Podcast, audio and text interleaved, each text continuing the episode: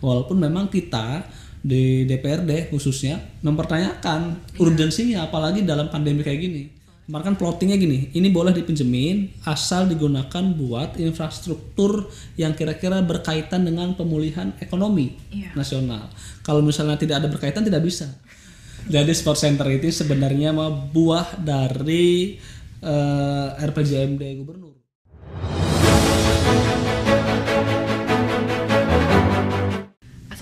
Assalamualaikum warahmatullahi wabarakatuh. Bertemu lagi dengan saya Nindya di acara podcast Wakil Rakyat DPRD Provinsi Banten. Pada sore hari ini saya ditemani oleh salah satu aktivis yang berkecimpung di dunia politik, eh, Pak Dede Rohana Putra ya Pak ya, dari fraksi Partai Amanat Nasional. Ya, selamat sore Pak. Ya, selamat sore Media dan kawan-kawan dari eh, Banten, Banten News. ya, Iya. Banten News.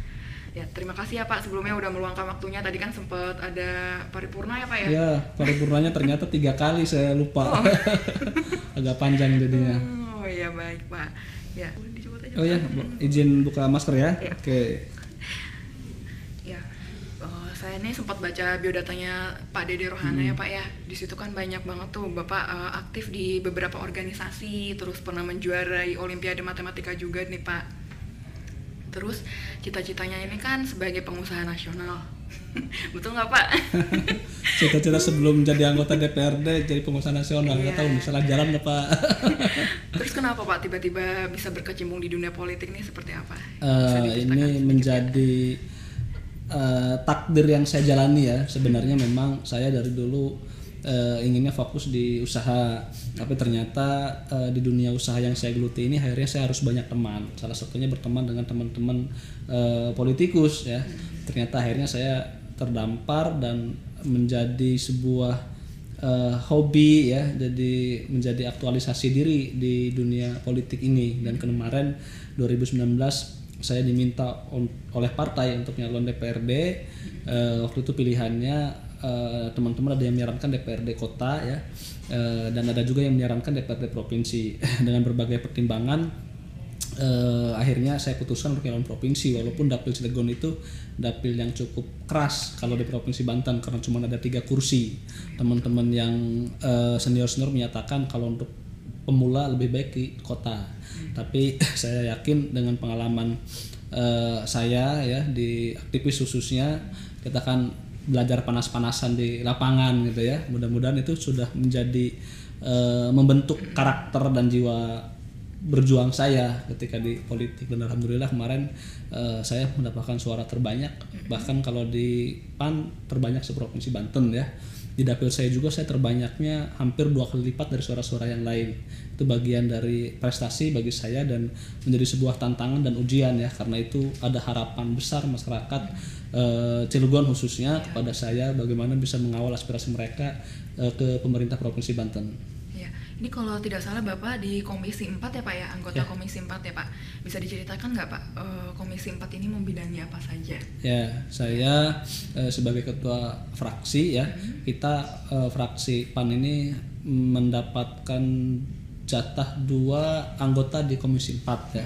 Nah, Komisi 4 itu ada saya sama senior saya Pak Haji Tubagus Luai. Eh, Komisi 4 itu eh, membidangi infrastruktur ya, eh, pembangunan sama lingkungan ya. Mitra-mitra kerja kita itu lebih banyak ke, ke dinas yang terkait dengan pembangunan infrastruktur ada PUPR ya, ada Perkim, Itu OD apa OPD OPD-nya ya Pak? ya PD-PD ya dinas-dinas mitra kita itu ada dinas pekerjaan umum, ada perumahan permukiman, ada dinas perhubungan, ada juga lingkungan ke SDM ya, ada juga eh, Ekbang ya kan pembangunan dan ada beberapa dinas lagi yang berkaitan dengan dinas kita dengan apa mitra kita. Iya. Ini saya enaknya manggilnya apa ya Pak? Kan Bapak masih muda ya, kayaknya kalau dipanggil Bapak agak Boleh manggil ba- eh, bapak teman-teman Cilegon manggil Kang Oh biasanya. Kang, Kang Dede ya, Kang berarti Dede, biar Kang lebih dekat manggil manggilnya Kang, Dede, aja iya. ya. Oh ya, Kang Dede ini kan di apa namanya di provinsi Banten ini kan jalanannya masih ada yang rusak nih Pak. Hmm. Masih ada banyak yang rusak itu jalanan provinsi khususnya kira-kira tuh menyisakan berapa kilometer lagi sih Kang untuk diperbaiki? Ya. Iya. Eh, terakhir sebenarnya di 2019 ya. Iya. Akhir 2019 itu rakor kita terakhir itu kita jalan pada posisi mantap itu tinggal 14 kilo lagi sebenarnya. 14 kilo lagi. Jadi hampir jalan tuh semua sudah mulus. Ada mungkin beberapa titik memang posisinya agak butuh perawatan, tapi secara umum tinggal 14% sebenarnya. Nah, harusnya 2020 tuh selesai. Sudah nggak ada lagi jalan yang kondisi rusak parah. Tinggal ada juga yang rusak-rusak ringan dan itu hanya butuh perawatan. Tapi ternyata eh, corona datang 2020 ya. Jadi terjadi refocusing Ah, terjadi ya. refocusing jadi target yang harusnya 2020 itu jalan posisi mantap 100% Hmm. tidak tercapai yang 14 kilo itu tidak terselesaikan di tahun 2020 eh, dan eh, sisi eh, perawatan jalan dan yang butuh perawatan pun meningkat karena kemarin memang 2020 anggaran perawatannya yang dari tadinya 80 miliar kita kurangin hampir jadi 20-an miliar. Nah, jadi posisi tahun 2020 akhir itu posisinya memang agak makin banyak jalan-jalan yang butuh perawatan. Iya. Tapi insya Allah tahun 2021 ini kita genjot lagi dan memang kita ada anggaran stimulus ya dari pemerintah pusat mengenai eh, pemulihan ekonomi nasional dari SMI ya. Eh, ini memang kita dorong dan diminta oleh pemerintah pusat juga untuk pembangunan infrastruktur ya khususnya dalam hal pemu- pemulihan ekonomi nasional. Dan mudah-mudahan 2021 ini kalau saja eh, anggaran dari SMI itu pinjaman itu tidak ada kendala, harusnya jalan semua target pembangunan jalan tercapai harusnya ya. Sudah tidak ada lagi jalan-jalan provinsi yang yang rusak parah udah nggak ada. Tinggal perawatan-perawatan dikit-dikit aja. Iya. Ini terkait pinjaman ke SMA ini Pak. Hmm. Ini kan sebelumnya yang pertama ini sudah cair ya. Yang 2020 yang 800-an miliar cair sudah. Iya, terus yang kedua ini kan masih belum jelas tuh Betul. Pak, Hmm. yang 4,1 triliun itu ya, sekitar 4,1 Betul. triliun. Itu dari Dewan sendiri tanggapannya seperti apa sih Pak? Hmm, Kalau misalnya ini kan terhambat belum belum, dicairkan karena di ada bunga ya. ya ya. Ya, tanggapannya seperti apa? Jadi kita itu di APBD murni kita bahas bulan November itu sudah kita tanyakan ya ke Pak Sekda ke Pak Gubernur pastikan kalau pinjaman ini tanpa bunga. Nah, dan itu disaksikan oleh teman-teman anggota Badan Anggaran dan dinyatakan bahwa tidak ada bunga. Waktu itu ada perdebatan kalau pakai bunga kemungkinan mayoritas fraksi pada nolak, khususnya PAN akan nolak. Kenapa? Di posisi lagi sulit ini, ekonomi kita menurun, daya beli masyarakat menurun, kita harus dihadapkan lagi untuk bayar bunga. Ini akan kembali kepada zaman kita tahun 97 ketika krisis moneter kita dihadapkan kepada pinjaman IMF ya akhirnya malah menjerumuskan kita. Nah, akhirnya kita juga nolak kemarin. Tapi jawabannya bahwa ini bebas dari bunga, hanya bayar provisi. Maka kita anggarkan hanya biaya provisi itu, tidak ada bayar biaya tidak di APBD murni tidak tidak ada, ada anggaran untuk bayar bunga. Nah, di pertengahan jalan di awal tahun ini ternyata ditemukan dokumen bahwa ada revisi eh, keputusan Menteri Keuangan itu bahwa bulan November kalau keluarnya bahwa pinjaman itu berbunga. Nah, ini akhirnya jadi dilema. Nah, kenapa dilema? Di sisi lain kita sudah masukin anggaran itu untuk pembangunan infrastruktur, tapi ternyata eh, ini ada berbunga. Kalau berbunga tentu di APBD murni tidak ada anggaran untuk bayar bunga dan belum tentu anggota DPRD khususnya fraksi-fraksi setuju juga kalau itu pakai bunga.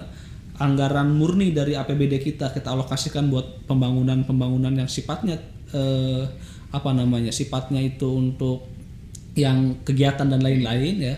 Sedangkan yang yang pinjaman itu khusus buat APB eh, buat infrastruktur. Kalau itu batal, bayangkan mungkin bisa jadi tidak ada pembangunan infrastruktur di kita karena PAD kita itu lebih banyak kepada pembebasan lahan, lebih banyak kepada kegiatan-kegiatan yang tidak berkaitan dengan eh, infrastruktur pemulihan ekonomi pasca Covid ini.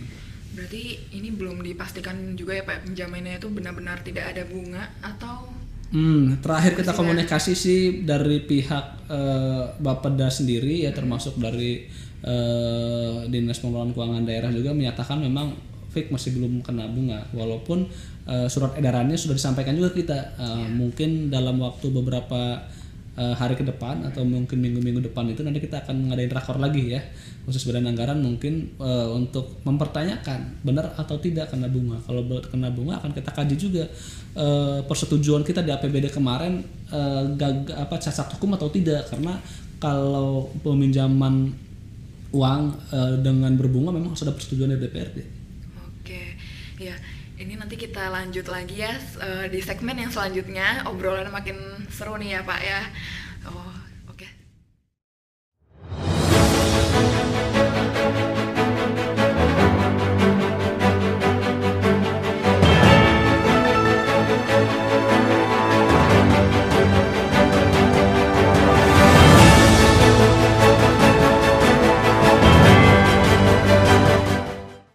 Kembali lagi dengan saya Nindya di acara podcast Wakil Rakyat DPRD Provinsi Banten. Saat ini saya masih ditemani oleh Kang Dede Rohana Putra.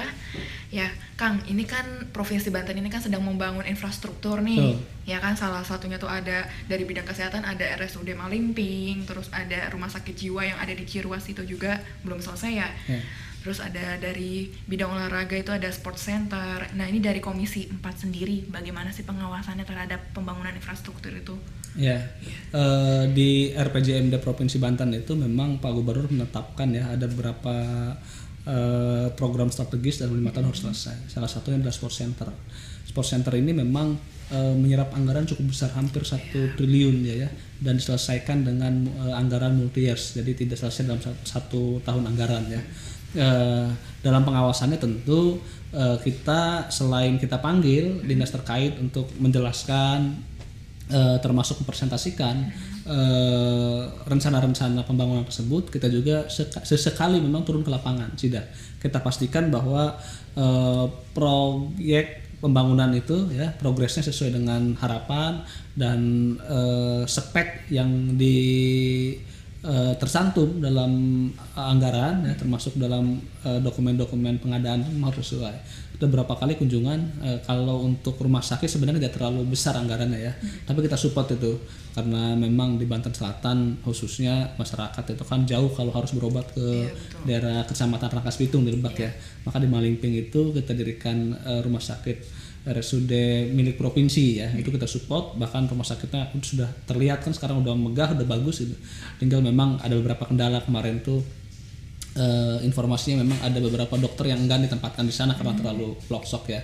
Tapi itu sudah terselesaikan. Kemarin saya dengar informasi dari komisi 5 ya termasuk rumah sakit eh, jiwa. Tapi sekarang memang yang lebih banyak menelan anggaran salah satunya di Perkim itu yang sport center ya termasuk penataan kawasan Banten Lama.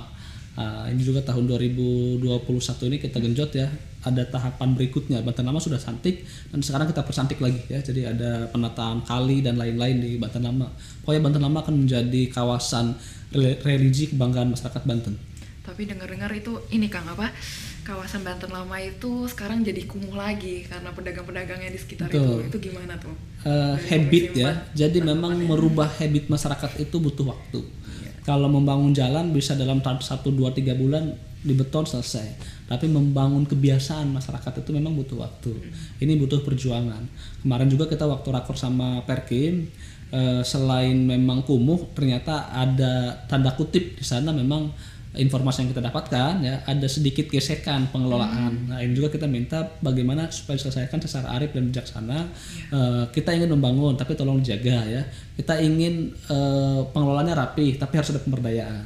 Dan mudah-mudahan kemarin saya sampaikan juga ya kalau perlu kita eh, butuh merangkul dinas-dinas terkait ya. Misalnya dalam tanda kutip ketika ingin menertibkan atau dalam rangka mendisiplinkan itu misalnya kita harus kerjasama sama instansi yang disiplin ya nggak apa-apa. Sama TNI Polri misalnya. Kalau memang dibutuhkan tuh kenapa? Karena mereka kan memang setiap hari disiplin tuh. Iya, ya siapa tahu kalau itu misalnya digandeng saya terinspirasi di kereta ya, di Kementerian di PT KAI ya dulu kereta begitu amburadul ada pedagang asongan ada Iya. calo tiket dan lain-lain ketika ditertibkan eh, ketika itu lebih rapi tertata walaupun memang perjuangannya luar biasa dia butuh bekerja sama dengan TNI ya supaya bagaimana menertibkan para eh, pedagangnya ya termasuk para eh, pengguna fasilitas di kereta. Mudah-mudahan di Banten lama ini saya kira kalau pendekatannya pendekatan kultural ya, terus komunikasi dengan para tokoh masyarakat di sana pelan-pelan memang. Kalau kebiasaan atau habit itu tidak bisa dalam satu dua minggu, dalam satu dua bulan ya bisa berubah memang nggak bisa. Mudah-mudahan kalau dengan secara pendekatannya pendekatan kultural eh, kita juga terus menerus ya menyampaikan kepada mereka bahwa penting ketika pembangunan itu sudah selesai maka eh, pemanfaatannya yang jauh lebih penting perawatannya jauh lebih penting. Kalau penggunaannya pengelolaannya tidak sedemikian rupa rapi malah percuma juga. Nanti akan cepat kotor akan kumuh dan nanti tumbuh lagi eh, kelompok-kelompok dalam tanda kutip ya premanisme yang yang justru membuat orang enggan datang ke sana. Nah, ini juga yang harus kita tertibkan. Tapi insya Allah lah mudah-mudahan eh, perjuangan kita ya untuk memperbaiki luar dan dalam, memperbaiki fisik dan non fisiknya mudah-mudahan berhasil. Iya, soalnya sayang juga ya Kang ya itu kan salah satu destinasi wisata di Banten ya. Betul. Iya. Destinasi wisata dan menjadi simbol kebanggaan Banten masa lalu dan masa kini. Banten, iya. Oh, Kang untuk eh, ini nih apa skala prioritas pembangunan infrastruktur di Provinsi Banten. Hmm. Ini kan lagi di masa pandemi begini ya. Tapi kenapa Provinsi Banten malah membangun sport center yang memakan anggaran yang cukup besar seperti yang tadi Kang Dede sampaikan ya? Hmm. Itu apa sih urgensinya dari Provinsi Banten sendiri gitu? Jadi sport center itu sebenarnya mah buah dari eh, RPJMD gubernur. Jadi ketika itu eh, pa- pasangan gubernur ya yang sekarang Pak Wahidin sama Pak Andika itu memang membuat sebuah rencana untuk lima tahun ke depan sebelum pandemi tentunya ya. Iya. Nah, salah satunya adalah bagaimana jalan provinsi harus dalam posisi mantap tahun 2020 misalnya kan. Terus ada lagi eh, strategisnya penataan ulang Banten Lama termasuk pembangunan sport center.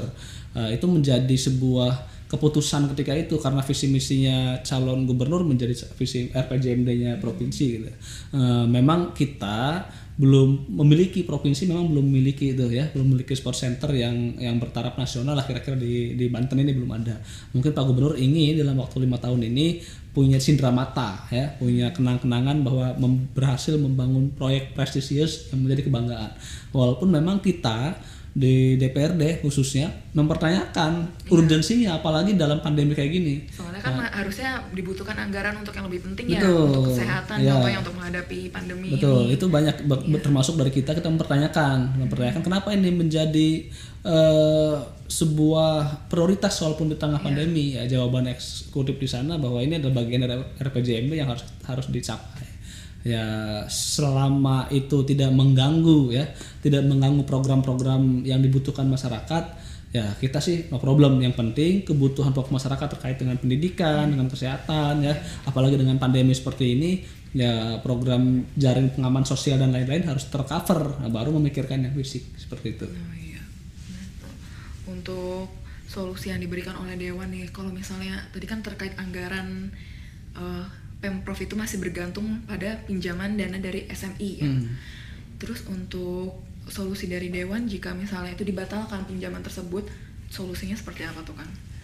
Untuk memenuhi target apa RPJMD ya? ya Eh, kita lihat sih APBD kita itu dengan pinjaman tuh hampir 15 T kalau tidak salah ya jika ambil 4,1 T berarti ada 11 triliunan duit kita ya Eh, jadi kalau misalnya itu tidak jadi pinjaman kemarin kan plottingnya gini ini boleh dipinjemin asal digunakan buat infrastruktur yang kira-kira berkaitan dengan pemulihan ekonomi Iya. nasional. Kalau misalnya tidak ada berkaitan tidak bisa. Udah sudah kita pilih-pilih tuh. Maka duit yang dari kita dari AP, PAD ya dari dana alokasi umum maupun khusus itu kita anggarkan bukan buat infrastruktur yang kira-kira berdampak kepada pemulihan ekonomi misalnya kayak eh, untuk pembebasan lahannya ya atau kegiatan-kegiatan OPD yang tidak ada kaitan dengan pemulihan ekonomi. Maka kemarin itu skemanya hampir seluruh infrastruktur yang kaitannya terkait dengan pemulihan ekonomi maka kita anggar eh, kita anggarkan dari pinjaman itu.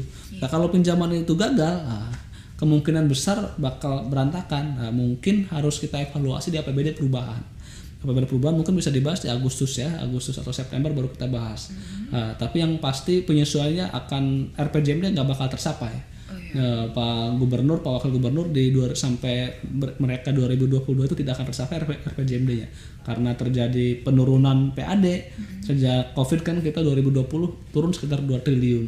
Mungkin 2021 turun 2 triliun juga ya.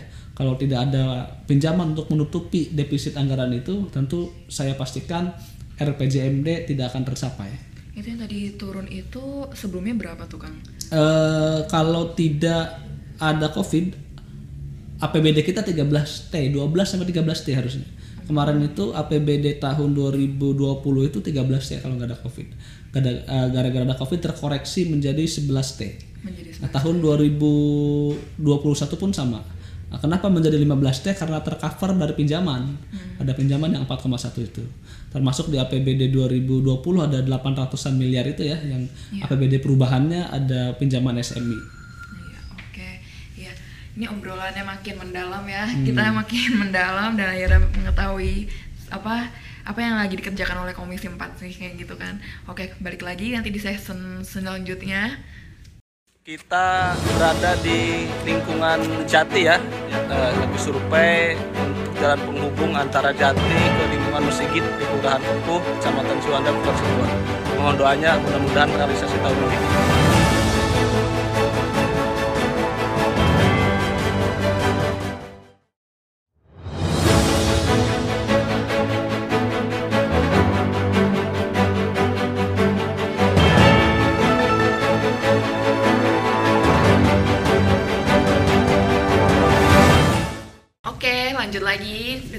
Nindya, masih dengan Kang Dede Rohana Putra. Kang, tadi kan eh, terkait pinjaman SMI itu ya, eh, katanya kan tadi yang seperti yang akan jelaskan, kalau pinjamannya jadi itu bakal diprioritaskan untuk membangun infrastruktur untuk pemulihan ekonomi. Betul. Bisa disebutkan nggak sih eh, infrastruktur infrastrukturnya itu apa saja? Ya, Eh, salah satunya ya pinjaman SMI itu kita ingin menyelesaikan pembangunan Jalan Syekh Nawawi nih dari Ya. depan kantor kita sampai ke eh, Untirta sana ya kita ingin selesaikan tahun ini termasuk pembangunan flyover dua di sana ada flyover yang pas tol ada yang eh, apa namanya kereta Ah, ada rel kereta ya nah, itu nanti ada flyover turun lagi 150 nanti naik lagi itu termasuk kita juga ingin selesaikan eh, pembangunan akses eh, jalan tol dari depan sekitar depan rumah sakit RSUD Banten Iya. eh, ke Cikusal. Nah, itu kalau pembebasan lahannya kita pakai APBD kita murni ya. Pembangunan fisiknya eh, dari pinjaman SMI ya. Eh, itu yang kira-kira program besarnya termasuk salah satunya adalah penyelesaian eh, sport center ya tahun 2021 ini. Nanti insya Allah jalan ini ini dari Palima sampai ke Pakupatan tuh sudah lebar semua. Kayak sekarang kan lebar sempit, lebar sempit gitu. Iya, betul. Nah, nanti mudah-mudahan tahun 2021 ini kalau pinjaman SMI-nya tidak ada kendala, harusnya jalan dari sini ke sana udah lebar semua. Termasuk ada jalan baru tuh, bagus juga dari depan eh, RSUD ke pintu tol. Jadi nanti anggota dewan atau Pak Gubernur kalau mau pulang ke Tangerang nggak perlu ke Serang Timur yang sudah macet, ke pintu tol baru ke Cikesal dari depan RSUD dan jaraknya sama dari kantor gubernur ke Serang Timur sama ke pintu tol yang baru jaraknya sama sekitar 10 kilo. Sekitar 10 Hmm, kilo. Jadi kalau ke sana jalannya lebar, mungkin lebih banyak memilih ke pintu tol baru daripada ke pintu tol Serang Timur yang sudah crowded kadang-kadang di jam-jam tertentu ya. Iya betul. Terus ini Kang untuk apa namanya kan sempat ada yang beredar tuh Kang isu apa penunjukan langsung yang ada di LPSE. Hmm. Nah itu LPL yang miliaran rupiah itu gimana sih tanggapannya dari Komisi 4 pengawasannya itu seperti apa? Kenapa Ya. bisa ada isu tersebut gitu? Ya, eh, kita memang baru akan memanggil Biro Adpem ya. Kalau informasi yang kita dapatkan ya bahwa memang eh, PL itu argumen dari pihak mereka memang diperbolehkan dengan kriteria-kriteria yang tersebut ya. Tapi sebenarnya yang kita ketahui kan harusnya PL itu tidak melebihi nilai 200 juta ya. Kalau itu kan yang pemiliaran tuh. Iya, Cuma katanya ada argumen kriteria-kriteria itu. Makanya nanti akan kita panggil tuh. Kalau memang kriteria itu memenuhi kriteria ya tidak berdampak hukum ya oke oke aja kita kan nggak masalah tapi kalau misalnya ternyata di sini ada tanda kutip ya ada praktek-praktek yang patut kita curigai saya kira ya ini harus menjadi pemantauan dari kita sebagai ya, wakil rakyat dalam hal eh, apa namanya pengawasan ya maupun teman-teman masyarakat media dan teman-teman yang lainnya lah ya yang eh, memang harus sama-sama mengawasi kegiatan tersebut Iya. Oke, tadi kan itu kita bahas yang agak berat-berat ya Kang ya. Untuk isu yang lain nih ya seperti eh, apa air yang layak untuk di provinsi Banten Ba- di provinsi Banten ini seperti apa nih sih Kang? air yang layak ya Iya. ya kan memang sepertinya masih kurang ya kemarin Masih kurang. Hmm. sempat ada kunjungan dari Menko PMK juga tuh. Ya, masih kurang khususnya eh, Cilegon ya. Khususnya Cilegon itu kita tidak punya sumber air. Kita tidak punya sumber air. eh, air yang sekarang itu lebih banyak industri ya dan masyarakat itu disuplai dari Krakatau Tirta Industri yang dari daerah Sinangka ya. Ya sekarang itu kita masih kekurangan banyak. Nah, makanya pemerintah pusat itu eh, membuat dua waduk ya, waduk Sindang Heula sama eh, waduk yang Karian. Nah, itu memang rencananya waduk Sindang Heula juga sekitar 15% kemarin akan disuplai ke Cilegon ya buat masyarakat. Nah, waduk Karian lebih besar lagi kapasitasnya. Itu nanti bisa buat ke Serang, ke Cilegon gitu. Eh, dan buat industri bahkan kalau waduk Karian sampai ke Jakarta. Eh, air bersih itu memang menjadi problem eh, kota yang urban, kota yang maju yang berkembang ya. Kenapa? Karena semakin banyak masyarakatnya, tempat tinggalnya semakin banyak, eh, ketersediaan air tentu makin banyak. Kalau sekarang kita mengandalkan air bawah tanah, air bawah tanah itu kan terbatas dan merusak memang. Eh, kita lihat misalnya Jakarta dengan begitu banyaknya pemukiman, ya gedung-gedung pencakar langit itu kalau dia menggunakan air bawah tanah, seberapa banyak air yang disedot, maka permukaan tanah itu akan turun karena dari setiap air yang disedot itu kan akan ke bawah pasirnya. Bayangkan ada berapa eh, pipa yang masuk ke perut bumi itu ke tanah itu yang menyedot air dan itu ke bawah. Maka kan tidak diperbolehkan sebenarnya. Nah, maka solusinya adalah dengan pengelolaan air permukaan itu ya. eh, kita kan untuk Banten sebenarnya banyak kali-kali yang airnya cukup banyak ya. Kalau itu misalnya kita kelola, kita buatkan waduk dan waduk itu nanti dibikin water treatmentnya supaya airnya layak untuk digunakan oleh masyarakat. Ya, mudah-mudahan jangka waktu eh, ke depan ya tidak lama lagi ya dan mungkin kebutuhan air untuk 10-20 tahun ke depan harusnya sudah terjawab dengan adanya pembangunan Sinangheula dan Waduk Karian. Kalau Waduk Karian yang Sinangheula tidak dibangun sekarang, kita yakin 10-20 tahun ke depan Serang akan menjadi kota yang metropolis, ada lagi misalnya Cilegonnya ya, Pandeglangnya mungkin ada juga terbentuk kota-kota yang modern, penghuninya banyak, pasti akan kekurangan air. Nah, mudah-mudahan ini menjadi jawaban eh, menjadi jawaban kebutuhan air masa depan buat Provinsi Banten. Iya, waduk karian ini kan juga dikatakan untuk solusi banjir juga ya, Kang ya. Ini pembangunannya seperti apa sih? Pengawasannya dari Mitra Komisi 4 itu seperti apa? Ya, kita 2019 kita pernah datang juga ke sana, kita lihat progresnya memang agak lambat ya kemarin itu. Iya. Tahun 2020 juga kita datang ke sana waktu pas ada banjir ya. Eh, memang rencananya bukan rencananya karena memang itu kan yang dibendung adalah eh, aliran sungai ya yang cukup besar dan kadang-kadang memang menjadi eh, banjir di Kabupaten Serang. Tentu kalau misalnya ada waduk di sana, ada bendungan di sana, air itu akan tertahan dulu di sana. Tinggal sejauh mana dia bisa menahan berapa eh, juta kubik dia bisa ditahan gitu ya. Nah, cuman memang eh, karena di pandemi, pandemi sekali lagi eh, APBN yang digunakan untuk membangun waduk harian juga sama terhambat. Yang harusnya dia selesai tahun 2020. Eh, harusnya tahun kemarin mundur. Eh, kemungkinan selesainya 2021 akhir tahun ini. Itu pun mudah-mudahan tidak ada kendala. Kalau ada kendala mungkin bisa mundur lagi tahun depan. Tapi mudah-mudahan tahun 2021 ini selesai. Itu menjadi salah satu prioritas dalam pembangunan infrastruktur yang dari Eh, anggaran gini, BTSM kalau itu, waduk Kang. itu eh, kita berbagi peran sama pemerintah pusat. Hmm. Eh, penyediaan lahannya kemarin kita, lahannya tuh ya, pembangun infrastrukturnya pemerintah pusat. Nah, nanti kalau sudah jadi, kalau itu diserahkan ke kita, maka kita harus menyiapkan infrastrukturnya. Iya. Apa, misalnya water treatmentnya.